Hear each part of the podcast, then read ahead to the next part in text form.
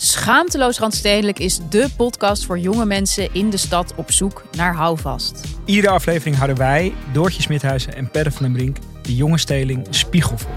Hoe erg is de wooncrisis voor millennials? En kan je eigenlijk nog wel vlees eten? En is natuurwijn helemaal super of is het totaal overbodige luxe? Wij zijn jouw gids binnen de Randstedelijke bubbel. Luister nu naar onze podcast Schaamteloos Randstedelijk. Overal waar jij je podcast luistert.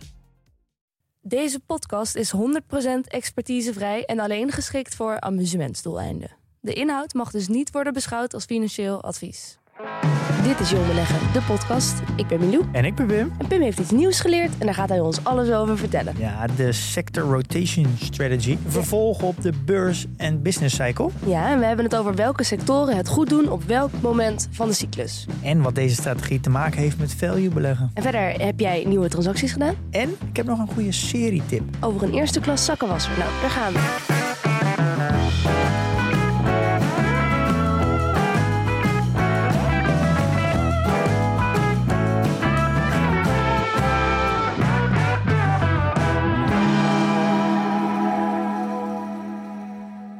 Ja, voordat we beginnen wil ik iedereen heel erg bedanken. Die heeft gedoneerd voor het goede doel. Ja, de jongbeleggers hebben massaal hun eh, steun geuit. Volgens mij wel. Ja. Het stroomde wel echt binnen na, nadat de aflevering online was gekomen.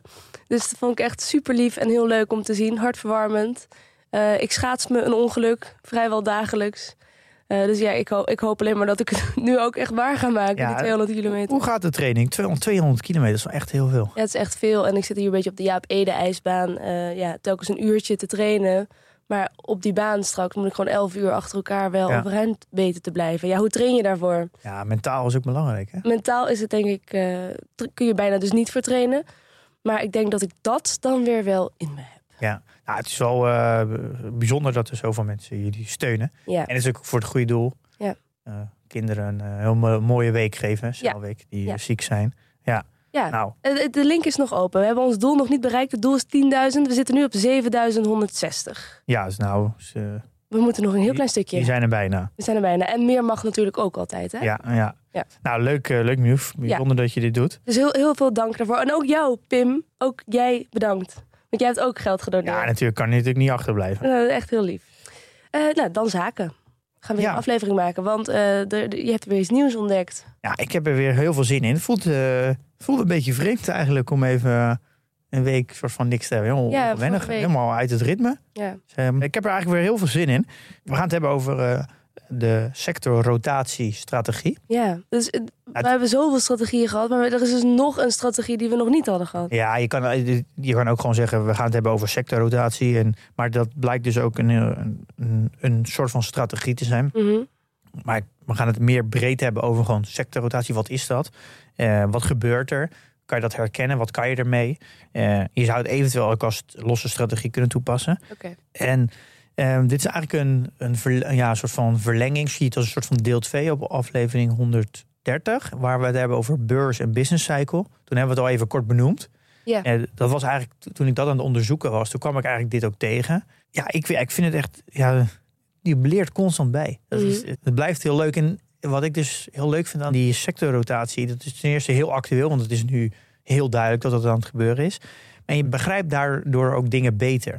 Er wordt altijd gezegd, spreiden in je portfolio is heel belangrijk. En je moet natuurlijk alle sectoren hebben. En eigenlijk als je nu heel goed begrijpt dat er een, een cyclus is en dat, er, dat de sectors roteren, snap je ook heel goed waarom je moet spreiden. Het roteren bedoel je dat de ene het in een bepaald deel van de cyclus beter doet Ja. dan een andere Ja, sector? dat maakt dus eigenlijk niet uit wat voor bedrijf je selecteert in een sector. Vaak als, de, als er een rotatie is, dan gaat gewoon die hele sector naar beneden. Ongeacht of het nou het allerbeste bedrijf is of het slechtste bedrijf. Ja. Er zullen wel verschillen in zijn hoe hard het naar beneden gaat. Maar de soort van de kracht van een sector, die sleurt gewoon alles mee naar beneden. Dus Ja. de meeste bedrijven, zeg echt de gros van de bedrijven in een sector, die beweegt gewoon niet anders dan hoe de sector beweegt. Nee. En je hebt natuurlijk altijd een beetje uitschieters.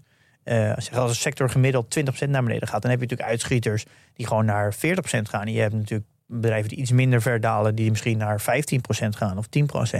Maar het gros gaat natuurlijk gewoon 20%. En dat, dat zien wij natuurlijk helemaal niet. Wij zien natuurlijk eigenlijk alleen maar de uitschieters vaak. Dus dat de, de aandelen die, eh, die het minder hard dalen, of die juist heel extreem dalen in een sector. Mhm. Ehm, Maar je, je kan je dus eigenlijk niks aan doen. Dus als je, dat is de reden waarom je natuurlijk zo goed moet spreiden. Omdat natuurlijk nooit alle sectoren tegelijk naar beneden gaan. En ook Ja. contra, sommige sectoren zijn omhoog. Dus als je goed spreidt en je hebt van alle sectoren wat, dan zal je altijd eh, je, je, je weg naar beneden heel erg beperken. Ja. Eh, omdat je dus momenten hebt dat sommige aandelen het goed doen en sommige momenten het slecht doen. Ja, maar je kan dus ook de, de golf van die sector gebruiken als je weet hoe die zich in bepaalde momenten van de cyclus gedraagt. Ja, dus je, je zou kunnen zeggen, nou, je kiest altijd de allerbeste bedrijven uit de sector. Waardoor je dus altijd, als de sector naar beneden gaat, minder hard meegaat. Zo kan je dus een outperformance halen. Mhm. Ja, maar je zou natuurlijk ook voor kunnen kiezen om eh, veel meer bezig te zijn met eh, macro-economie en de, gewoon de cyclus en de businesscyclus. En daar dus accenten aanleggen aan de hand van waar we zitten in de cyclus. Ja. Ehm, Accenten echt. Dus je gaat niet met je hele nou portefeuille. ja, ik zou, ja, je zou natuurlijk het in het extreme kunnen doortrekken dat je echt helemaal eh, uit bepaalde sectoren gaat in bepaalde momenten. Eh, maar je kan natuurlijk ook voor kiezen om daar wat meer gematigd te doen, om bepaalde accenten te verleggen. Ja. Dus je hebt natuurlijk altijd het, eh, met, je hebt gewoon allocaties. Dus je kan natuurlijk in bijvoorbeeld in PDT kan je heel goed zien wat je allocaties per sector.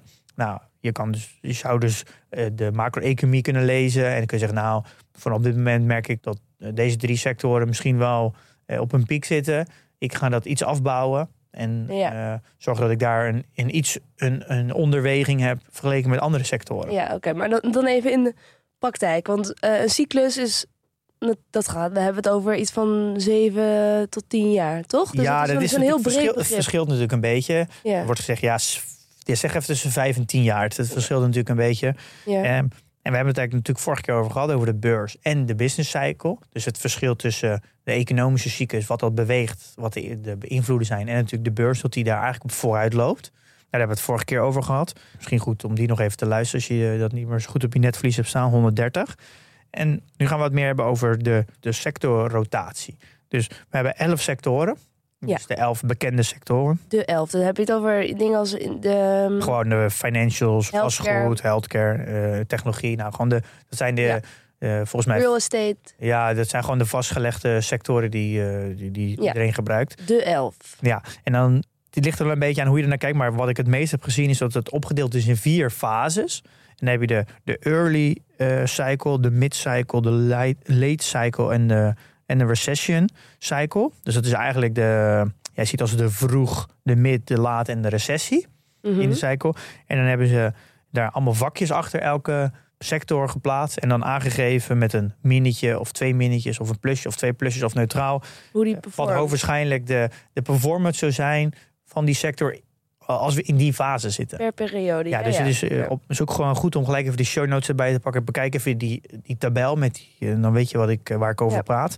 En het komt er eigenlijk op, ja, eigenlijk heel logisch dat er, er zijn gewoon bepaalde fases eh, in de cyclus dat sommige sectoren het gewoon heel goed doen. Wow. En er zijn bepaalde sectoren die het gewoon juist heel slecht doen. En Dat is bewezen eigenlijk cyclus op cyclus. ja, dat is een, nou ja, dat zien we dus nu ook. Als we het even, het is altijd goed om het naar het nu te trekken. Mhm.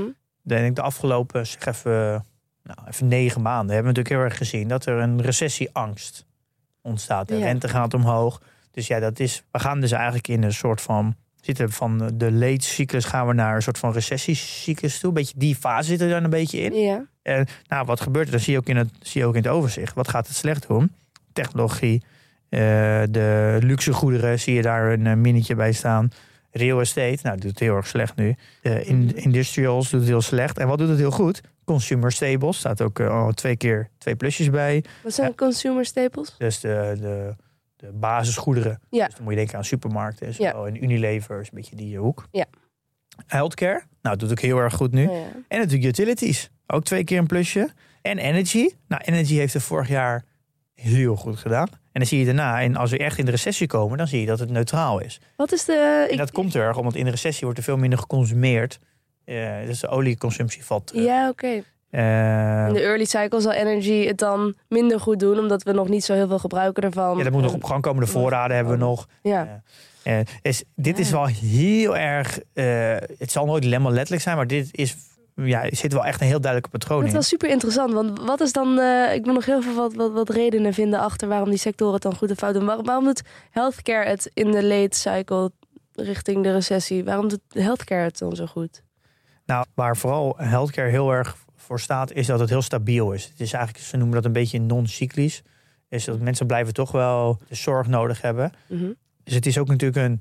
Het effect is een beetje zo: mensen gaan nooit echt geld uit de markt halen. Dus je zal zien als er dus bepaalde sectoren het eh, ja, minder winst maken of zwaarder krijgen, dan zal het geld ook automatisch vloeien naar de plekken toe Ja. waar wat stabieler is. Maar dat is wel interessant, want dan hoeft eh, een sector hoeft dus helemaal niet per se cyclisch te zijn zelf. Het kan juist een non-cyclus. Ja, dus, ja klopt. Maar dat, Ja. is, ja, dat zie je ook juist als het een recessie is. Het is natuurlijk allemaal, alles is relatief natuurlijk. Het als zeggen utilities en healthcare eh, en eh, consumer staples, dus de basisgoederen, eigenlijk qua winst en omzet vrij gelijk blijft, ook in een recessie. Dus dat is heel stabiel. Mhm. En alle andere sectoren, daar gaan winstdalingen zijn, dan heb je natuurlijk relatief gezien, is het natuurlijk Is, dat, is dat is plus? de- ja, is het een plus. Ja. Dus het is soms, je moet het ook relatief zien aan de rest natuurlijk. Want het is natuurlijk een spel tussen waar geld gealloceerd wordt. Ja. Maar dan zou je dus ook gelijk zien dat als we eenmaal in die, een beetje aan het einde van die recessie komen. Mhm. En we gaan naar die early cycle. Dus dat zie je, dat is het eerste vlakje weer. Dan beginnen we weer opnieuw. Dat is eigenlijk de rebounds. Wat doet het dan goed? Technologie, consumer, luxegoederen, eh, vastgoed, de financials. Die zal, eh, je zal vooral zien dat, eh, dat bijvoorbeeld bij financials dat de recessie afgelopen is. Dus, ze kunnen, dus de kans dat ze leningen niet meer terugbetalen wordt steeds kleiner. Ja. Vaak gaat de, de rente ook wat naar beneden om de economie weer aan te jagen. Dus dat is gunstig. En natuurlijk de, ja, de materials en de industrie komt op gang. Omdat eh, iedereen wil weer, eh, weer spullen gaan hebben. Dus we, Ja. gaan, eh, we hebben dus daar materialen voor nodig. En dan gaat automatisch eigenlijk de healthcare. Want het geld moet dan weer ergens vandaan komen. Het wordt weer verschoven. Dan gaat de healthcare, ener- ener- energie en utilities gaan weer naar beneden. Ja. Dus de- deze golf die kan je heel erg... Die, die, die is er wel. En hij klopt nu ook precies. Als ik nu kijk naar hoe, die, hoe dat, dat belletje eruit ziet, waar de plus en waar de minnen zitten. Het klopt gewoon precies. Ja, dat is dus, we hebben het vorige keer ook al benoemd. En er zijn, ik heb ook een paar linkjes op de website waar je dus... dan kan je naar een website toe gaan en dan kan je invullen hoeveel dagen terug wil kijken. En dan zie je, eh, als je bijvoorbeeld 180 dagen terug doet... dan zie je wat de performance is per sector. Ja. En dat kan je dan heel erg eh, overheen leggen met, met waar jij denkt we nu zijn in de cycle. En dan kan je dat kijken, kan je dat bevestigd krijgen. Ja. En het is wel goed om te realiseren is dat er zit natuurlijk echt een verschil tussen de beurscycle en de business cycle. De beurs loopt voor. Dat is wel goed om te realiseren. Dus je moet Ja. wel constant die, die lijntjes houden met wat, waar denken we nu dat we zijn en de beurs loopt vooruit. Ja, want wat maakt het dan uit voor je strategie? Nou, dat is heel erg bepalend, want daarom is, zeggen ze altijd als je, als je het in gewone kranten leest en zo ben je te laat, omdat de beurs natuurlijk vooruit loopt. Ja. Dus als, als wij met z'n allen echt in de diepste recessie zitten, ja, dan loopt de beurs alweer zes tot negen maanden Dan vooruit. zit die eigenlijk al in de early recovery. Ja, dus je moet heel erg. Daar begrijpen heel vaak mensen de beurs niet. Want dan, op het moment dat we echt met z'n allen in de diepste pinari zitten, dan gaat de beurs alweer hard omhoog. Dus dat, heel veel mensen begrijpen dat vaak niet. Nee. Eh, dus er wordt dan ook altijd gezegd: ja, we, de mensen op de beurs die zijn weer aan het verdienen van de ellende van anderen. Dat hoor je dan heel vaak. Eh, dat bij corona dieptepunt ook was het ook heel erg zo. Omdat mensen, de gemiddelde Nederlander begrijpt niet hoe, hoe dat werkt. Daar zal je net zien dat eh, Dat de beurs op het laagste punt is. ja. Dat wij eigenlijk allemaal de pijn nog niet echt voelen. Ja. Dus de kans is bijvoorbeeld nu heel groot dat, dat we de dieptepunt al hebben gehad op de beurs. Maar de echte dieptepunt in, eh, gewoon in de reële economie nog niet hebben gehad. Ja. Maar het is een constante spel van verwachtingen. Want je, omdat Ja. het vooruit loopt, kan het ook zijn dat het natuurlijk niet uitkomt. Of juist heel erg meevalt. Of er toch heel erg tegenvalt. Ja. Maar dat is dus wel goed om, eh, om te realiseren. En ik denk wel, in theorie zou je als je echt puur value investing doet, dus echt eh, je zit heel erg op de waarde, dan zou je in theorie automatisch al je portefeuille constant moeten eh, bijschuiven op de cyclus. Want kijk, als een, als een hele sector omhoog gaat, dan gaat vaak, wat ik net al eerder zei, eigenlijk gaat het gros van de sector omhoog. Er wordt de meeste aandelen qua performance bewegen eigenlijk gewoon met de sector mee. Dat is denk ik wel heel goed om te realiseren. Dat als je naar, als je naar de grootste groep aandelen kijkt in een bepaalde sector, dan kijk je gewoon naar de sectorperformance over de afgelopen vijf jaar. Dan zal je zien dat heel veel aandelen ook dezelfde performance hebben als de s- gemiddelde van de sector. Ja. Eh, dus heel veel beweegt gewoon mee met de sector. Dus dat zegt niet zo heel, heel veel over het individuele bedrijven gaan gewoon mee. Mhm. Dus dat betekent automatisch, als sommige sectoren het heel goed doen, dat automatisch geheel in de sector ook de onderwaardering laag is. Dus als jij puur op, op value zit, dan zal je dus ook zien dat er aandelen zijn in andere sectoren die naar beneden zijn gegaan, dat daar een hogere onderwaardering in zit. Dus als jij puur op value zit, dan zou je ook sneller aandelen inwisselen. Ja, waar misschien je, eh, je korting uit is, waar alles op je fair value. En dan zal je automatisch wisselen Ja. voor aandelen die eh, ja, meer margin of safety hebben. Ja. Dus als je daar heel strikt op zit, dan zal je portefeuille automatisch al een beetje voorlopen. Ja. Ik denk dat dit ook heel erg de kracht is waarom value zo goed werkt. Omdat je namelijk heel erg meegaat met die cyclus. Zonder Ja. dat je bewust bezig bent met het timen van de cyclus. Leun je heel erg op de waarderingen. Ja. En dat hebben wij natuurlijk in principe ook gezien. Is dat, eh, ja, we, zagen natuurlijk dat, dat alle luxegoeden en tech gewoon heel duur was. Dat, dat was, we waren net in de piek. En dat, Ja. Dus als je puur op value zat, dan was je portefeuille eigenlijk overwegend weinig luxegoeden en weinig tech. Omdat daar gewoon heel weinig onderwaardering in te vinden was. Precies. En dat zat, dat zat toen vooral natuurlijk in eh, Ja, utilities, in, in healthcare en in eh, energie. Ja, dus er zit een stukje sectorrotatie automatisch in value investing. Ja, ik denk dat ook. Denk dat dat je op zoek gaat naar die onderwaardering. ja, en waar, naar de, vooral de grootste onderwaardering. Ja. En zit automatisch in sectoren die het dan op dat moment heel slecht doen, gemiddeld gezien. Dus als je meer op value wil zoeken, dan zou je heel erg kunnen kijken van waar zitten we ongeveer in de cyclus. En dan heb je, nou, welke sectoren doen het dan wat minder. Dan zou je dus heel erg waarschijnlijk Ja, dan ondergewaardeerd. zou je heel erg je, je zoektocht kunnen verkleinen Ja. naar, oh, dan ga ik kijken in die sectoren kijken, want daar is de kans het grootst dat daar onderwaardering in zit. Ja, dus dat is waarschijnlijk dan nu is dat technology en eh, de luxegoederen. Eh, ja, dat zou, dat zou goed. En vastgoed, denk ik. En vastgoed een beetje. Ja. Dus dat is, eh, al is het nu alweer langzaam een beetje aan het opkrabbelen natuurlijk. Want van de bodem zijn heel veel aandelen, bijvoorbeeld Just Eat en Zalando, zijn, zijn vanaf de bodem al 100% gestegen. Maar ja, ze waren natuurlijk ook wel eh 70% gezakt. Dus Ja. Eh, maar dat geeft wel aan, ze hebben al echt al een flinke rebound eh, gemaakt. Maar dit is wel een hele interessante kijk om ernaar te kijken. Dit geeft, vind ik, value investing ook een heel ander perspectief. Ja, je, je, je doorziet het opeens een beetje. nou ja, je, je, je kan eigenlijk, je hebt natuurlijk een beetje meerdere, je hebt meerdere scholen van, van beleggers. Sommige Ja. beleggers zeggen, ik ga gewoon alleen maar fundamentele analyse doen. Ik wil de allerbeste bedrijven uit elke sector. En dat is mijn focus. En zo wil ik mijn outperformance halen, omdat ik altijd het beste jongetje van de Ja. sector heb. Je hebt mensen die zeggen, nou, ik ga echt puur op value. En het interesseert me eigenlijk niet in welke sector ik zit. Maar ik wil gewoon altijd de grootste onderwaardering in mijn portfolio houden. Ja. En die zijn er heel erg in gedisciplineerd. Dat is ook een strategie. Er zijn natuurlijk mensen die, die echt heel erg leunen op, eh, op de macro-economische eh, trends. En zullen heel erg daarop inspelen. Eh, dus die hebben helemaal niet echt een vaste strategie. Maar die gaan gewoon heel erg een port, ja, die portfolio wijzen gewoon naar, naar wat er op dat moment gebeurt in de wereld. Ja. En ja, het is natuurlijk geen goed of fout. Ik denk dat het heel belangrijk is. En wat ook nog een strategie die je heel veel ziet, is dat mensen non-cyclisch gaan doen. En dan kom je heel snel bij de compounders uit. Compounders zijn over het algemeen heel erg non-cyclisch. Ja. Daarom kunnen ze zo lang compounden. Ja, daar gaan mensen portfolio die die golfbeweging het helemaal niet willen. Dus die gaan heel erg naar de non-cyclische eh, aandelen. Dus die, eh, ja, die zijn, ja, dan kan je daar een portfolio mee samenstellen. ja, maar dat kan nog steeds. En, en dan eh, heb je minder last van die sectorrotatie, omdat Ja. het allemaal non-cyclisch is. Ja, maar we hebben ook net geconstateerd dat eh, healthcare is non-cyclisch, maar dat heeft toch periode dat het beter gaat. Juist omdat het non-cyclisch is. Ja, natuurlijk, je, je zal altijd wel een vorm houden. Maar wel, Eh, maar wel minimaal. veel minder. Dus je Ja. beperkt heel erg je schommelingen. En denk ik dat alle de grote beleggers die zijn, die zijn daar wel heel erg voor. Want de non-cyclische bedrijven worden vaak gezien als de allerbeste bedrijven. Dus fundamenteel gezien, omdat ze natuurlijk een lange track record hebben. Ja. Eh, dus alleen nadeel van, daarvan is dat zulke soort aandelen vaak heel duur zijn. Ja. Dus eh, dat is wel heel belangrijk dat je heel veel geduld hebt. eh, voordat Ja. je in zulke soort aandelen instapt. Oké, dus als ik het even dan in de, in de praktijk vertaal. ehm, normaal gesproken in een recessie gaan mensen vaak wat defensiever beleggen. Als het weer groeit, dan ga je offensiever. Maar het is belangrijk dat je dus niet wacht tot het nieuws in de kranten staat. Je moet het wel voor zijn. Ja, Als je absoluut. deze strategie succesvol wil toepassen, moet je met de markt meegaan en niet met de business cycle. Ja, en het liefst nog iets voor de markt natuurlijk. Ja. Dus eigenlijk momenten dat, dat je overal leest dat je dit moet hebben, dan ben je eigenlijk al te laat. Te. Dus je moet bovenop en liefst nog iets voor de markt zitten. Zijn er nog andere redenen wanneer sectorbeleggen misschien niet zo heel goed werkt?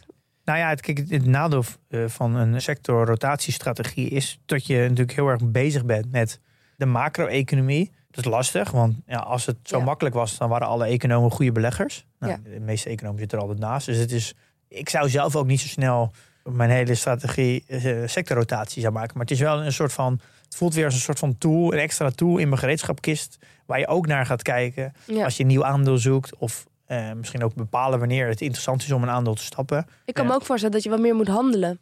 Nou, als je daar puur op gaat spelen, dan betekent dat je er constant moet gaan handelen. De hele tijd aan het schuiven. Van Ja, en dat zorgt voor heel veel transactiekosten. Oh ja. En je moet dus bovenop de markt zitten. Dus dat is eigenlijk allemaal reden om het niet te doen. Ehm, En je kan wel heel erg kijken naar de signalen uit het verleden. Maar dat wil natuurlijk niet altijd zeggen dat, dat, dat het altijd één op één in de toekomst Nee, weg het is. hoeft niet per se zo te gaan zoals... Nee, want we hebben dus nu ook een hele rare situatie. Dat we, dat de recessie die nu er een soort van aan zit te komen, is misschien de, meest, de best voorspelde ooit. Alleen, we hebben nu extreem lage werkloosheid. En dat is helemaal niet te rijmen met, met een recessie. En we hebben natuurlijk ook extreme inflatie. Dus het is een soort van unieke situatie weer. En zo zal, denk ik, altijd elke situatie wel in bepaalde vorm uniek zijn. Mhm. Eh, dus Ja, het zijn geen natuurwetten. Het is nee, absoluut niet. heeft meer richting. Ja, en er zijn ook wel onderzoeken naar gedaan. De mid- of sector rotation. Maar die man spreekt van een mythe, dus dan zal hij Ja, niet al te veel vertrouwen erin hebben. Eh, daar staat dat het op zich wel een outperformance heeft, maar van 0,11. En, maar dat het niet echt significant te noemen is. Maar er staat ook bij, het sluit niet uit dat er onderzoeken zullen zijn die wel bewijzen dat het werkt. Want het is natuurlijk heel erg bepalend in zo'n onderzoek. Oh. Wat is het kantelpunt constant? Dus eh, wanneer ga je kantelen? Naar, Kantelen? Ja, dus wanneer ga je je accenten verleggen naar een andere sector? Dus als je dat gaat onderzoeken, dus een soort van backtesten, moet je dus ergens kunnen soort van programmeren wat dan de momenten zijn dat je wisselt. Dus waar, wat zijn dan de indicatoren? Dus de, welke data gebruik je om te, om te kantelen? In je strategie. Ja, Ja. om het ook te kunnen onderzoeken of het significant is. Ja. En dat is natuurlijk heel erg bepalend. Dus dat is, dat is natuurlijk wel een soort van side note om erbij te zeggen. En eh, we hebben dan, eh, als je dan kijkt naar de, de S&P 500 Sector Rotation Index. Dat is dus een index. Nou, het verschil tussen een index en een ETF hebben we natuurlijk uitgelegd. Een ETF wordt gebaseerd vaak op een index. Mhm. En dit is dus een, eh, de index die is gemaakt door de S&P 500. Dus dat is van S&P Global. Dat is Ja. een, een bedrijf die dat maakt. Daar hebben ze de kantelpunten, is eigenlijk de, de herbalancering gebaseerd op value en op momentum. En dat zijn weer twee factoren waar we het natuurlijk over gehad hebben in factorbeleggen. En op zich ook wel logisch dat ze het baseren op value en momentum. Want ja, momentum is natuurlijk een mooie manier om te kijken eh, of een sector het goed doet. Dus het momentum van een sector. Nou, dat is natuurlijk een, een goede indicator die je kan gebruiken. ja. En je kan value natuurlijk heel goed gebruiken. Want de kans is heel groot natuurlijk als een, een sector het minder goed doet, dat in principe de value oploopt. Ja, oké. Maar hoe dus- vaak wordt het dan gehergewaardeerd? Want En volgens mij balanceren zij eh, om de twee dagen, dacht ik. dat is best vaak, toch? ja, maar dat is natuurlijk een index. Ja. Eh, dus dat betekent dat je in als index kan dat gewoon doen. Eh, Want dat is gewoon een voorbeeld natuurlijk, een soort van een blauwe druk. Ja. Als je een ETF maakt op die index, dan moet je ook daadwerkelijk die aandelen constant. eh, en- In- en afstoten. ja, dus ik heb natuurlijk ook gekeken naar, is er een ETF voor die dat doet? Helaas is er geen enkele ETF die ook in Europa beschikbaar is. Oh, maar ze zijn er dus wel. Er zijn er wel, maar je hebt dus de- in Europa heb je de UCITS nodig. Ja. Eh, Maar dat wat je altijd achter... ja, dat zijn eigenlijk dus dat is voor Europese wetgeving dat het iets met beleggen wat, wat je aanbiedt aan die regels moet voldoen en dat Een houdt certificaat. ja dat houdt eigenlijk in voornamelijk dat de, de, de fact sheet en zo en de prospectus in het totaal van, eh, van het land moet zijn waar je het aanbiedt. Dus heel veel Amerikaanse partijen willen helemaal niet alles vertalen naar het Nederlands en het Frans en het Spaans. Eh, daarom zijn heel veel ETF's niet beschikbaar in Europa. Ik moet wel zeggen, deze ETF's zijn relatief duur, vind ik, voor de ETF. Ehm, maar je kan er even naar kijken. Je kan ze niet kopen, maar je kan er naar kijken om, te- ja, wat zijn de regels en hoe ziet Ja. dan op dat moment de allocatie eruit? Je Dus- laten inspireren. Ja. ja. Het is toch wel een, eh, ja, het is toch, ik vind het toch interessant. En je snapt ook wat beter waarom iedereen het constant over de macro-economie nu heeft. Want je ziet in de beleggingswereld vind ik dat het voornamelijk gaat over macro-economie. Het gaat constant over wat doet de Fed, eh, wat is er nu gebeurd, eh, de rente, inflatie. Allemaal korte termijn. En niks gaat eigenlijk echt over fundamenteel analyse. Het gaat vaak nog fundamenteel overdrijven. Soms wat, eh, wat kwartaalcijfers bespreken, maar het is allemaal zo dicht op de bal. En blijkbaar hebben mensen daar heel veel behoefte aan, want die content wordt heel veel gemaakt en ook denk ik heel veel geconsumeerd. Dus dat, heeft, dat zit allemaal in die hoek van die sectorrotatie. Want daar hebben, waar, daar hebben ze het natuurlijk eigenlijk Ja. constant over. Ja. Alleen, Op welk punt in de cyclus zitten we? ja, alleen je kan natuurlijk wel heel erg zeggen dat wat heel veel wordt besproken is eigenlijk allemaal een soort van backwards looking. Het is allemaal, eh, ja, Het is allemaal al gebeurd. ja, of het is allemaal al ingeprijsd. Ja. Het is allemaal, het is meer duiding van wat er is gebeurd dan dat, het, dat je er daadwerkelijk wat aan hebt. Ja. Eh, maar dit is natuurlijk wat, wat wel. Ja, het is logisch dat hier eigenlijk heel veel content, omdat het natuurlijk constant beweegt. Het is ook makkelijke content. Je kan er natuurlijk heel makkelijk over praten. Het vergt heel weinig voorbereiding, het vergt weinig denkwerk. Het is gewoon duiden van wat er allemaal gebeurt. En een soort van verwachtingen uitspreken wat dan net aan gaat gebeuren, een paar maanden verder. Maar dit is wel, alles valt een beetje samen. Dat, dat je dus het contrair handelen, dat dat natuurlijk in één keer een heel ander perspectief krijgt. Value beleggen krijgt een ander perspectief. Ja. Ehm, spreiden krijgt een ander perspectief. Dus je weet gewoon dat als je heel erg geconcentreerd zit in een bepaalde sector, er gaat er gewoon momenten zijn in die cyclus dat je gewoon hard wordt afgestraft. Dat is gewoon de, De wetten. ja, dat is gewoon dat is de rekening die je betaalt eh, als je heel erg geconcentreerd zit in een bepaalde sectoren. Dat is niks mis mee, maar dat is wel wat, wat je van tevoren moet beseffen, moet weten. En het kan nog steeds zo zijn dat je heel geconst in de sector dat je gewoon een outperformance gaat halen. Want er zijn de momenten dat het natuurlijk slechter gaat, maar er zijn ook heel veel momenten dat het goed gaat. Eh, maar realiseer je dat heel erg goed eh, als je heel erg geconcentreerd zit. En kijk ook dan toch wel een beetje van waar zitten we nu in de cyclus. Dat kan ook heel erg in het voordeel werken. Dat je bijvoorbeeld gaat, of je risico iets gaat afbouwen, of je cash iets verhoogt, of iets langer, iets meer wacht met, met aankopen van aandelen. Want Het ja, kan eigenlijk geen kwaad om een beetje aandacht voor die cyclus te ja, hebben. een beetje gevoel, eh, een beetje gevoel voor krijgen. Want eh, als je dus overwegend in tekst zit, is het natuurlijk helemaal geen probleem. Maar ja, dan is dan wel fijn eh, dat je bijvoorbeeld even wat munitie nog hebt. Als het, als het ook daadwerkelijk echt eh, in de bodem zit van tech. Ja. Dus dat is natuurlijk wel een. eh, Goed om dat te doorzien. en het voordeel is natuurlijk wel dat je een klein beetje spreiding in je portefeuille hebt. Want als ze dus bepaalde sectoren het goed doen, dan zullen andere sectoren slechter waar die ook wel heel mooi kan balanceren. Dus dat, dat hele idee van herbalanceren is, is, krijgt ook natuurlijk een nieuw perspectief. Ja. Dat heb ik natuurlijk eigenlijk onbewust wel een beetje gedaan. Want ik heb vorig jaar heb ik Pfizer verkocht, Shell verkocht, eh, Berkshire Hathaway verkocht. Dat waren volgens mij de drie voornaamste. eh, en die deden het eigenlijk alle drie heel erg goed. Mhm. Die heb ik eigenlijk alle drie op de piek verkocht. En dat geld Ja. heb ik eigenlijk eh, meer verlegd naar Ja. ja. meer de, de luxe goederen en, Ja, die nu een minnetje hebben. en technologie. Misschien net iets te vroeg verlegd. Ik had misschien iets achteraf gezien iets meer. Je had nog heel veel kunnen wachten. Ja, maar dat weet je natuurlijk niet. Maar dat is wel, daar kan je natuurlijk wel wat mee spelen. En ik, ik heb nu wel wat onderwaardering in, eh, in eigenlijk veel tech-aandelen. Maar als het natuurlijk weer aantrekt straks, dan zal ik eigenlijk ook daar weer wat slimmer moeten, mee moeten omgaan. En misschien Ja. toch ook wel weer wat, wat meer spreiding moeten aanbrengen. Je hebt ook laatst weer transacties gedaan. ja. Komen we zo op Ja. terug. Maar ik, ja, ik, vind het, dit, ik vind het super interessant. Dit. Dit is echt. eh, Ik zie het vuur ook weer in je ogen. Ja, ik vind het echt heel interessant. Dit geeft voor mij, eh, ja, ik, ik begin nu ook langzaam steeds meer, ja, alles begint een beetje als puurstukjes bij elkaar te komen. En ja, ik, ik blijf wel voor nu overwegend, eh, zit ik in tech. Nou, dat kan ik wel zien in mijn portefeuille. Maar dat denk ik dat dat eh, de juiste, de juiste is in de cyclus. Maar ik, ik, ben, ik merk wel dat ik minder me verknocht raak aan technologie. En dat ik me ja, toch wel echt steeds meer schuif naar value. Dat dat toch het meest bij me past. Dus het is eigenlijk niet zo gek om af en toe gewoon eens te zeggen: van, Nou, even stilstaan. Eén keer in een maand of zo. Eén keer in een maand. Ja, waar zijn we nu? Pak gewoon even zo'n eh, overzicht erbij. Eh, doe gewoon een sector rotation of zo. En je doet in eh, Google afbeelding, krijg je er heel veel soorten. Kijk, denk gewoon even, ga even stilstaan. Kijk, nou, waar denk Ja. ik dat we nu zijn? Pak je even, even die websites erbij. Kijk je naar de performance van de, van de sectoren van de afgelopen eh, 90 dagen of 180 dagen.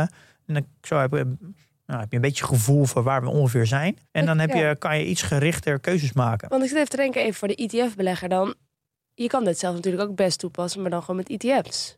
Als je een, een energy ETF hebt, Ja, eh, nou, bijvoorbeeld. Elke, als je bijvoorbeeld de S&P 500 neemt, er is, elke sector heeft een eigen ETF. En die kan je ook kopen Ja, als, als Europeaan. Ja, Dus dus dan kun je precies gewoon ehm, dat toepassen. Ja, dat, op die, die, dat gedachte heb ik wel eens, die gedachte heb ik wel eens gehad van ik koop gewoon 11 ETF's. En, en die, ga ik, eh, die ga ik in de basis gewoon puur Oh qua allocatie eh, kopen. Hoe de S&P is. Dan heb ik eigenlijk de S&P soort van nagebootst. Een S&P ETF in 11 ETF's. Ja. Dan is dat het startpunt. Dan heb ik eigenlijk gewoon de S&P 500 ETF. Maar dan in, in 11 blok, blokjes. ja, En dan ga ik op dat moment spelen met de allocatie. nou precies, maar dat, dat bedoel ik. En ik, het, zou, het zou een strategie kunnen zijn om op die manier een, bijvoorbeeld een S&P te kunnen outperformen. Ja. Het, zou- ja, het zou prima kunnen. Het lijkt me ook best een leuke manier. Daar word ik nog wel je, enthousiast van. Het is ja, je- niet al te ingewikkeld, je zit wel goed gespreid. ja, als, je, als, je meer, als je dus meer geïnteresseerd bent in macro-economie en meer gewoon in de, de, markt, in, gewoon in de Ja. brede zin, en minder geïnteresseerd bent in gewoon bedrijven aan zich en het analyseren van bedrijven, Dat heb ik. eh, ja, dan is dit natuurlijk ja, prima strategie. Waarom niet? Ik vind nog net iets te veel werk. Maar je kan het ook andersom doen door te zeggen: ik koop gewoon de S&P 500, dat is mijn core. Dat is uh, zeg 80% of zo, 70%. Ja. En ik koop elke keer om de zoveel tijd, eh, een maand of zo, vijf of drie sector ETF's waar ik denk op dat moment waar het interessant is. Ja. Dus dan doe je dat met je satellieten, ga je meer spelen met je sector. Dus je zegt, nou, nu is, nu is bijvoorbeeld vastgoed interessant en technologie. Nu koop ik extra in mijn satelliet die sectoren. Ik vind een, dat, dat zou, zo zou je accenten kunnen aanleggen. In je satelliet bijvoorbeeld. Door, uh, maar dan kan je ook op bepaalde momenten besluiten van nou, nu weet ik het even niet. En dan haal je al je satellieten weg. En dan ga je weer volledig in de S&P. Ja. En nu is het bijvoorbeeld zo duidelijk voor jezelf. Hé, hey, nu ga ik daarin. Ja. Zo zou je wel... Uh, ja, als je, je, beleggen is natuurlijk ook leuk. En als je, ja, als je, dan zou je toch op die manier kan je toch kijken of je, of je, je met, je satelliet, ja, met je satelliet toch de, bijvoorbeeld je, je core kan verslaan. Ja. Maar dan ben je minder bezig met individuele bedrijven, maar meer met het totaalplaatje. Ja. Als daar meer je interesse ligt, ja. Ja. Kan zeker. Leuk.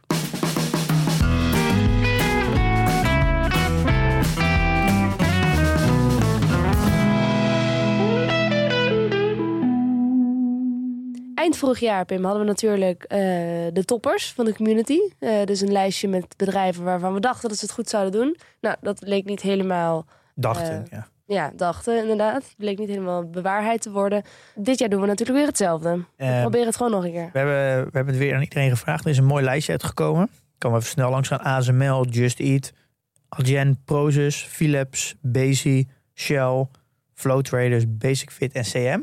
Nou, het lijkt best wel op het lijstje. Ja, de, de oplettende belegger die herkent uh, heel veel namen. Zeven posities zijn hetzelfde. Er zijn drie nieuwe en dat is Bezi, Flow Traders en Basic Fit. En die zijn eigenlijk geruild voor Ahold, ASR en ASMI. Nou ja, Bezi en ASMI kan je een beetje hetzelfde zien. Dus dan zijn eigenlijk de echte nieuwe is natuurlijk Flow Traders en Basic Fit. En die zijn geruild voor Ahold en ASR. Nou, Hm. twee aandelen die defensief zijn. Uh, zijn geruild voor wat meer offensieve aandelen. Nou, als je nu naar, het hele, naar de, de tien aandelen kijkt, zijn ze eigenlijk allemaal vrij offensief. Ja, ook want niet- ik zat Ahold, dat, zijn- dat zijn dan de, de goede die het op dit moment dan Die hebben het heel goed gedaan. goed ja. gedaan ja, en, hebben. eh, ja. Dus we verwachten dat we... Nou, dus die, ik, ik weet niet of het nu bewust is, omdat, eh, maar dit voelt wel heel erg alsof we, als nu deze portefeuille heel erg gebaseerd wordt op de sectorrotatie. Mhm. Ja, dit zou wel de. Dit ziet, er wel uit als een, als een portefeuille waar je denkt, nou, dan zou de index wel mee verslagen kunnen worden. En het zijn natuurlijk vooral aandelen die het niet zo goed hebben gedaan. Ja, Dus eh, we gaan het zien of het dit jaar gaat lukken. En ik ben dus ook, eh, dat ben ik dus, dus nu geïnteresseerd in. Als, als stel je voor, we gaan met deze portefeuille volgend jaar de index verstaan. Ja. Dan, maar dan ondertussen, dan zou het betekenen ook dat de sectorrotatie wat is geweest zit in een andere fase. Ja. Dan zullen we eigenlijk ook heel anders, met een andere blik, de portefeuille van volgend jaar moeten samenstellen. ja zeker. Dus, eh, nou, dat is voor volgend jaar. En ik heb ook even een overzicht op de website waar er allemaal op gestemd is.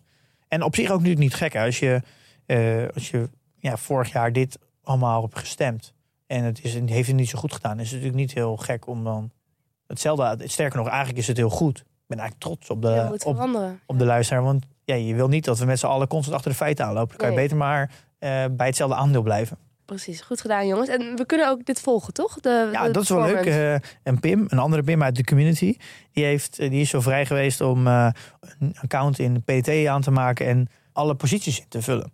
Dus dan kan je dus een soort van real-time altijd kijken hoe onze community portfolio performt. Dus je kan ook Ah. even in de favorieten toevoegen. Ehm, we hebben het net kort al over gehad. Ik zei al, je hebt wat transacties gedaan. Ben ik wel benieuwd wat je hebt gedaan. Ik heb weer een, een badge, was even geleden. Maar Ja. Ik heb ook net gezegd dat ik eh, wat meer in badges ga werken en wat minder vaak ga doen. Eh, ik heb wat geld bijgestort. Ik heb wat van de All World ETF afgeroomd. Hm. Een klein stukje. En ik heb BlackRock volledig gesloten. Dat bij elkaar is eigenlijk het geld dat is vrijgekomen. En dat heb ik eh, gestopt in twee nieuwe posities. Airbnb en FlatEx de Giro. En ik heb Alphabet, Amazon, Meta, Tor, T. Rowe Price en Trade Desk bijgekocht. Een beetje naar, ongeveer naar verhouding. Ja, Ehm, dus elke positie die ik heb uitgebreid is ongeveer 1 of 2 procent van elke positie geweest. Misschien wel interessant om te beginnen met Airbnb. Nou, daar hebben we een- met Dennis een hele podcast over gemaakt. En waren toen heel enthousiast over het bedrijf. Altijd eigenlijk heel goed gevolgd. Maar het was toen op mijn hoofd 144 dollar. En wij kwamen toen uit met allemaal scenario's. En toen hadden we volgens mij gezegd onder de... Ik heb het op mijn watchlist gezegd voor 95 euro. En toen het eh, rond die prijs kwam, heb ik het dus opnieuw bekeken, opnieuw geanalyseerd, kijken of er iets veranderd is in de tussentijd.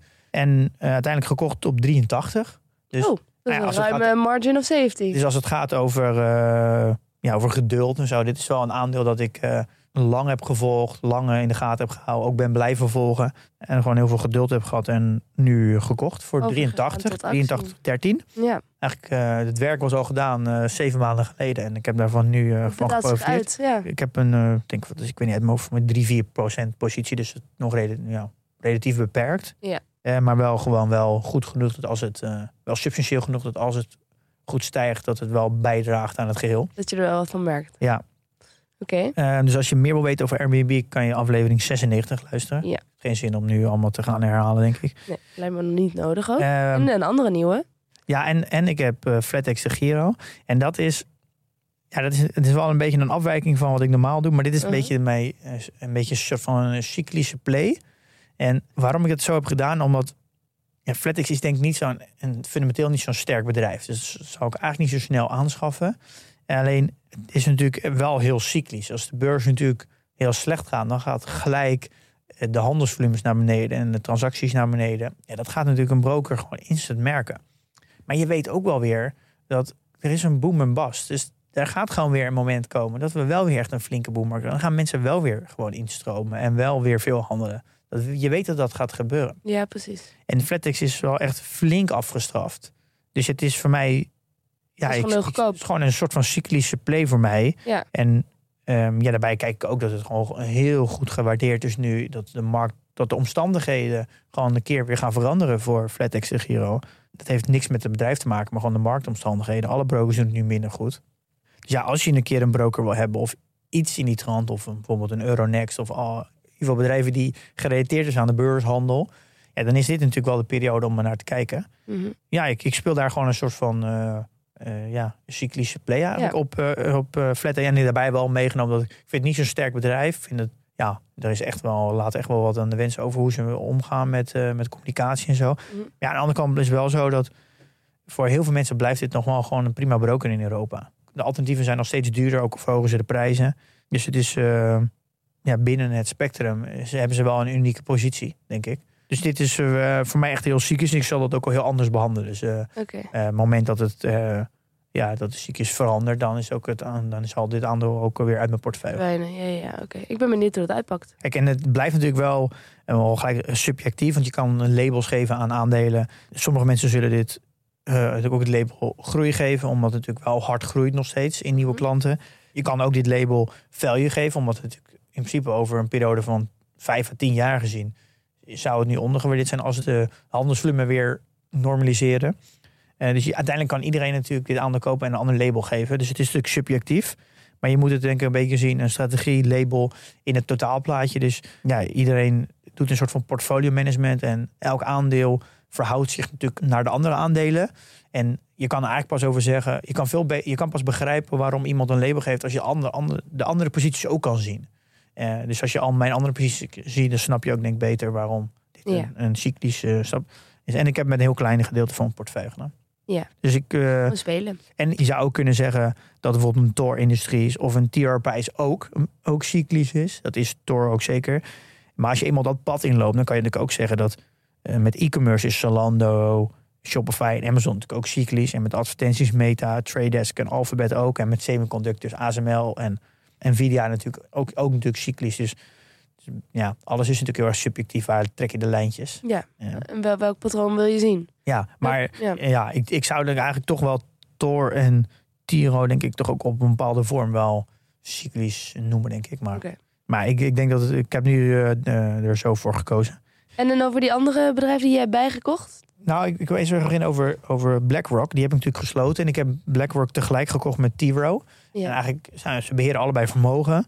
Eh, Hier heb ik nog nooit van gehoord over. T-Row doet meer actief vermogensbeheer. Ook internationaal. En BlackRock natuurlijk is meer van iShare. iShares, dus natuurlijk meer passief. Maar ze zitten allebei in die hoek. En dat, ze daalden eigenlijk allebei flink. Eh, ook omdat ze de, eh, ja, een percentage pakken op het beheerd vermogen. En als de koersen flink zakken, dan gaat het beheerd vermogen naar beneden. Dus ook ja, wat je aan onderaan de streep overhoudt. Ik heb ze beide tegelijk gekocht. Ook een even grote positie. Vorig jaar mei. Mhm. Maar ondertussen is, was BlackRock flink gestegen. En T-Row was verder gezakt. Dus tussen die twee aandelen, ik had ze eigenlijk soort van samen gekocht. Ik zag ze ook een beetje samen als één positie, ook relatief klein gehouden. Uh, maar dan samen wel een oké positie. Ja. En er kwam er heel, heel snel kwam er ongeveer zo'n 24, 25 procent verschil tussen die twee. Want T-Row ging naar beneden en BlackRock ging omhoog. En je zag al heel snel ja, BlackRock stijgen. En daardoor ging de, eigenlijk de onderwaardering in BlackRock er heel erg uit. Ja. Uh, het kwam al richting mijn fair value. Ik heb nog eens een keer kritisch door al mijn fair values heen gegaan. En toen heb ik dus iets naar beneden bijgesteld. Toen dacht ik, ja, dan is eigenlijk de korting in Tiro veel groter dan in BlackRock. Ja. Dus ik heb het Verplaatst. BlackRock verkocht. En een groot gedeelte daarvan, of een gedeelte daarvan, naar Tiro verplaatst. Ja. En Klinkt het, logisch. het betaalt best wel een stabiele dividend. Dat zie ik ook wel, dat ze dat gewoon kunnen doorbetalen. Ook in deze tijden. Dus dat voelt al eens een beetje van, ja, je krijgt een beetje wachtgeld van uh, uh, meer dan 4%. En dan wacht je gewoon een beetje dat uh, ja, we weer een beetje in een andere fase van de cycle zitten. Zo, zo benader ik Tiro een beetje. Wel een risico om in de gaten te houden dat ze natuurlijk actief management doen. En de trend op lange termijn is natuurlijk wel passief. Ja, dat is wel iets Ja. goed om in de gaten te houden. En de rest heb ik ja, wat bij, bijgekocht van diegene die ik al eerder heb genoemd. En ook een beetje naar, verde- naar verhouding. Dat zijn allemaal aandelen die wat zijn afgekomen. Vooral technologie zitten ze vooral. Uh, dus al advertenties in e-commerce. Dus uh, daar heb ik wat, uh, wat bij gekocht. En mag ik nog vragen waarom je de All World wat hebt afgeroomd? Nou, dat is een goede vraag. Ik zie gewoon in best wel goede bedrijven, zoals een Alphabet en Amazon. En ook uh, Door zag ik gewoon, ja, zo gewoon een hele grote ja, onderwaardering. Versus mijn, uh, mijzelf, mijn eigen berekende fair value. Ja, dat is eigenlijk zonde om dan een, een, een positie van 20% yeah. in een all-world te houden. Oké. Okay. Uh, omdat ik heel gericht in die, ja, in die hoek een hogere onderwaardering zie. Ja, dus jij ziet jouw, jouw all-world eigenlijk als een soort van cash-opslag. Ja, zo kan, zo kan je het een beetje zien. Het ook wel een beetje als een, een demper. Want het was 20%. Dus als ik, uh, ja, dat heeft er wel voor gezorgd dat ik mijn portfolio, de rest is vooral technologie. Ja. Daarom heb ik ook een soort van. Dan heb ik het beter gedaan dan de Nasdaq. Want de Nasdaq ging voor mij min 34 procent. Ja. En ik ging min 26. Okay, ja. En dat is natuurlijk eigenlijk het verschil van dat ik Dankzij een demper. heb. Ja. Onder andere had ik ook wat posities in Pfizer en uh, in, Shell natuurlijk. En, Ja. uh, en uh, Berkshire. Maar dat, dat, dat dempt gewoon een beetje. En dat is ook een stukje risico. En nu zie ik gewoon dat, het, dat ik de bedrijven die ik ken, die ik al ken, al heb, eh, wat meer onderwaarderingen zitten. Dus ik durf nu wel aan om, om, eh, om wat af te romen van. Je eh, durft wat risico te nemen. Ja, ik ja, het is gewoon Of heel. jou voelt niet als risico, nee, het voelt gewoon heel een logische stap nu. Ja. En ik sluit niet uit dat ik de positie nog verder verkleint. Al is het nog steeds 15 procent. Dus Ja. dat is nog wel. ehm, Aanzienlijk. ja, dus eh, dat voelt op zich eh, prima. Ja, interessant. Eh, en ja, het, ik sluit dus niet uit het als. Dat is aan de ene kant wel het nadeel. Want ik zei al van. Dus, eh, als de sector omhoog gaat, vaak alles wel omhoog. En Ja. ja, ik heb een overwegend tech. En ik zei dat recent ook tegen iemand. Ik zeg, ja, ik heb al mijn fair values aangepast. Ben dan wat scherper gegaan op de fair value. Iets minder positief geweest. En nog steeds zit er overal wel een onderwaardering. Maar als natuurlijk we echt een hele grote rally krijgen in één keer. Een goede opluchting. Dan schieten natuurlijk heel veel aandelen van mij natuurlijk allemaal in één keer over hun fair value heen. ja. Ja, dan moet ik, als ik heel strikt ben op mijn fair value, zou ik gewoon in één keer misschien 40% van mijn portefeuille moeten verkopen. Ja, ik heb niet, natuurlijk niet in één keer voor 40% aan nieuwe posities. Nee, Dus dan zou natuurlijk een, een moment kunnen zijn dat ik dan weer mijn ETF weer wat verhoog. precies. Ik snap hem. Al betekent niet natuurlijk dat ik alles op mijn fair value moet verkopen. Want als je, als je best conservatief bent met je berekening en je zit op je fair value, dan als alles klopt, heeft het nog steeds je verwachte rendement dat je invoert. Ja. Dat is bij mij 10%, dus dan is er nog steeds niks mis mee natuurlijk. Eh, dus bij, hele, bij kwaliteitsbedrijven zou je natuurlijk ook kunnen zeggen, daar wil ik minder korting. Dus je kan ook met jezelf afspreken, ik verkoop het pas 5%, 10% boven mijn fair value. Zo kan je natuurlijk, ja, zo kan je natuurlijk zelf een beetje mee spelen. Ik zag hem er al tussen staan, maar ik dacht, ik wacht eerst even of Pim het wat vindt. Die nieuwe serie op Netflix. Ja, je, ken je Meedoff? Nou, ik ken Medoff natuurlijk wel eh, voorbij horen komen in de podcast. Ik wist even niet meer precies, maar ik, ik had een negatieve associatie met die man. Nou, dat, eh, dat is nogal correct. Ja, wat was hij ook alweer? Hij is denk ik wel de grootste ja, oplichter, denk ik. Eh, hij is bekend van, van de Ponzi-fraude. Oh ja. Eh, hij heeft een gevangenisstraf gekregen van 150 jaar. Hij is uiteindelijk overleden in de gevangenis op 82-jarige leeftijd in eh, 2021. ja. Nou ja, Ponzi-scheme, dat snap je natuurlijk wel. Eh, hij heeft voor 65 miljard mensen opgelicht. Ja, wat Ponzi, dat is een, een soort piramidespel, maar dan anders. Ja, komt komt een beetje op. Gewoon een, een manier om mensen op te lichten. Ja, eigenlijk het, Ja. eh, beetje het, eh, van nieuwe mensen die geld komen brengen. eh, de mensen die klagen, die er al heel lang in zitten. Een beetje Ja. mondsnoer, dat is een beetje wat er gebeurde. Maar ze hebben daar een, Netflix heeft daar een documentaire over gemaakt. Nou, ja, Netflix is natuurlijk een wel een beetje, staat wel een beetje bekend om de documenta- documentaires. Doen ze ook vaak heel goed. Mhm. Vier afleveringen eh, over deze man. Hij komt ook nog zelf aan het woord in eh, archiefmateriaal. Het is toch bijzonder. Hoe kan nou iemand voor 65 miljard mensen oplichten? Dat is echt Ja. heel veel, hè? 65 miljard. Ja, ja, is Ehm, veel. Maar zelfs de mensen, gewoon hele slimme mensen op Wall Street die er bovenop zitten, toch instapten. Ja. Laat de documentaire dat zien. Leg ja, dat, uit? Ja, dat is toch, dat is, dat is, dat is toch bijzonder. Wat is het, denk je? Is het, is het kuddegedrag? Is het... Ja, Ja, ja, je, je, je, je blijft toch een beetje op de, gewoon de, de, de hele simpele emotie van de, de basisemotie van de mens, gewoon hebzucht. Ja. En gewoon, ja, Greed is good. ja en gewoon eh, dat er rendementen werden beloofd van 10, 15 procent. Dat, dat je natuurlijk eigenlijk, dat wij ondertussen allemaal weten, ja, als iemand gegarandeerd rendement van 10, 15 procent belooft, dan moet je gewoon met een hele grote boog omheen lopen. Rennen. En hij heeft best wel wat eh, trucjes eh, hoe hij dat allemaal doet. Was het een buitengewoon intelligente man, denk je? Ja, was heel intelligent. Hij heeft trouwens ook wel, hij was ook market maker. Dat was voor mij zijn, eh, zijn ja, legale bedrijf. Dus dat is dat legitieme stuk wat hij deed. Dus hij heeft, was ook gewoon een, gewoon een prima ondernemer. Hij heeft ook op, de beur, op de technologiebeurs de Nasdaq gewerkt. Hij heeft ook gewoon een goede baan gehad. Hij had Al- best een goede reputatie. Ja. Dus eh, Maar toch nog even mensen oplichten voor ik, heb nog niet, ik 65 heb nog niet alles gezien, maar het is wel zeker de moeite waard als je Netflix-account om even eh, te kijken. En er worden natuurlijk al heel snel parallellen getrokken met FTX. Crypto broker. Ja, ja, ja, die van die Sam. Sam, eh, Ja. die? Bankman. Eh, ja, Bankman eh Fried. Ja, Ja, Netflix gaat zo, is sowieso bezig met dat script natuurlijk te kneden nu. Dat is, daar kan je wel bijna op wachten dat het over een paar jaar dat dat naar boven gaat komen. hoeven alleen een paar namen te veranderen. Nou, de vraag is natuurlijk erg of hij echt de grootste oplichter is. Of dat er misschien nog veel grotere oplichters zijn, maar we, dat we eigenlijk nog niet weten. Dat nog, moet nog naar boven komen. Het hele spel van crypto is natuurlijk nog, Ja. nog niet uitgespeeld. Maar er zitten best wel wat gelijkenissen in. Dat, dat daar had je ook staking. Dat, eh of de chain staking en zo van Maar was die. Sam niet gewoon een beetje een lieve sukkel? Ja, zo doet hij, zo doet hij zich natuurlijk overkomen. Dat, ik, ja, dat weet je natuurlijk niet. Mm. Dat, gaat, dat, gaan we, dat gaat de komende jaren natuurlijk wel naar buiten komen. Ja. Maar dat staking van crypto, waar natuurlijk ook de mensen van Bitfavo natuurlijk ook helemaal nat op zijn gegaan. Dat je dan werd, volgens mij, werd beloofd, ja, er werd beloofd 10% of zo, 15% gegarandeerd rendement door gewoon even je crypto's uit te lenen. Dat Mm. is heel veel gelijkenissen met, eh, met eh, wat je ziet in het documentaire met Madoff. Hoe hij met een soort van dezelfde manier mensen ook naar binnen trok. Hm. Het heeft allemaal wel verdacht veel eh, gelijkenissen. Nou, ik ga zeker kijken. Het, ge- bijna het ironische is dat, dat dat hele crypto-verhaal is natuurlijk allemaal begonnen als een ideologie. Maar uiteindelijk zitten daar, worden, vallen mensen daar ook in hebzucht. En zijn, al- je kan bijna een soort van alle patronen die en alle grote crisissen die zijn geweest. Ja, En fraudes in de financiële sector. Eh, die kan je bijna wel een keer. Ja, die gaan gewoon ook gebeuren in de cryptosector. Ja. Dus het is een beetje cyclisch bijna. nou ja, het is een soort van de mensen. mensen uiteindelijk zijn mensen. Mensen, mensen zijn niet veranderd. Nee. Nee. Dat is ergens een geruststelling en ook ergens een beetje zorgelijk. Ja, wel wel de moeite waard om te kijken als je. als je- geïnteresseerd bent je in oplichting. En... partner. eh, Nee, het klinkt als een zakkenwas voor eerste klas. Ik ben heel benieuwd. Ik ga zeker kijken. het, is, eh, het is leuk om. eh, het, is gewoon, het is een beetje een, een hele vermakelijke manier om zoiets te kijken. Vier Ja. afleveringen. Oké. Dan zit het er alweer op.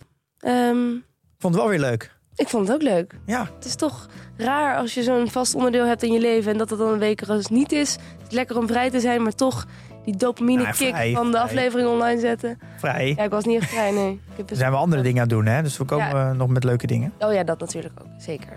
Maar daar zeg me nog even niks over. Ik ga lekker weer de schaatsbaan op. Wat ga jij doen? Ja, weet ik eigenlijk niet. ja, show notes afschrijven. Oké. Eh, nee, en in de tussentijd, jongens, eh, investeer in je kennis en beleg met beleid.